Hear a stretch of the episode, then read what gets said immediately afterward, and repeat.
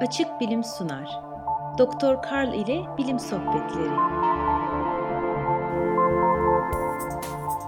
Anlaşılan o ki her yerde gördüğümüz su şişeleri çoğu insanın hayatının önemli bir parçası.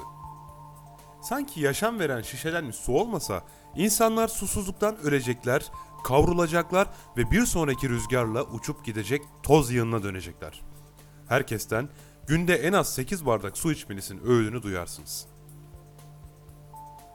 Bu öğüt New York Times'ta bir sağlık köşesinde ortaya çıktı ve popüler basındaki çoğu yazar tarafından da yayınlandı.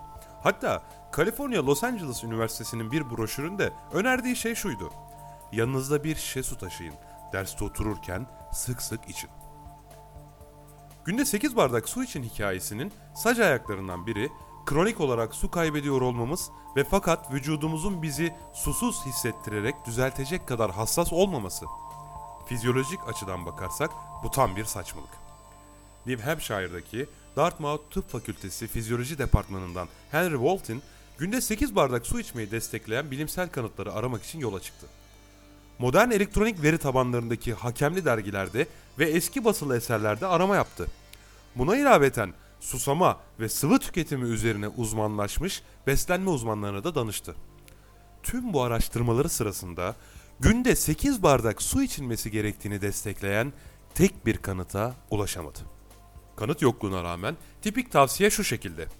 Çoğu uzmana göre masa başı işi yapan çalışanların günde en az 8 bardak su içmesi gerekiyor muş muş muş. Bu da televizyon karşısında yiyip içip şişmanlayan ortalama bir insan için Amerikan standartlarında okkalı bir yarım galon anlamına geliyor. Metrik sistemi kullanan ülkelerde 8 bardak su yaklaşık 1.9 litreye tekabül ediyor. Ancak hangi sıvıyı tükettiğiniz önemli mi? İlla ki saf su olmak zorunda mı yoksa çay ve kahve de buna dahil mi? Ve en önemlisi bu öneri nereden geliyor?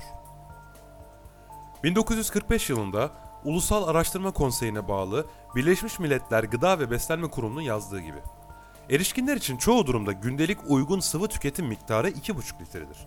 Bu miktarın çoğu hazırlanmış gıdalarda ihtiva edilmektedir. Evet, işte bu. İhtiyaç duyduğunuz suyun çoğunluğu zaten yediğiniz yemeğin içinde.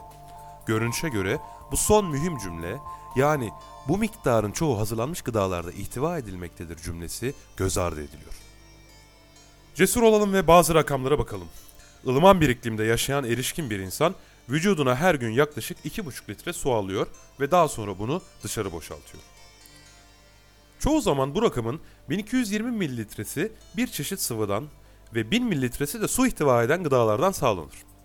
Vücudunuzun içinde metabolik su diyebileceğimiz 300 mililitrelik suyu da kendimiz üretiriz. Bu şekilde vücudumuza günde 2520 mililitre su girer. Bu suyun 1520 mililitresini idrarınız ve 100 mililitresini dışkınızda kaybedersiniz.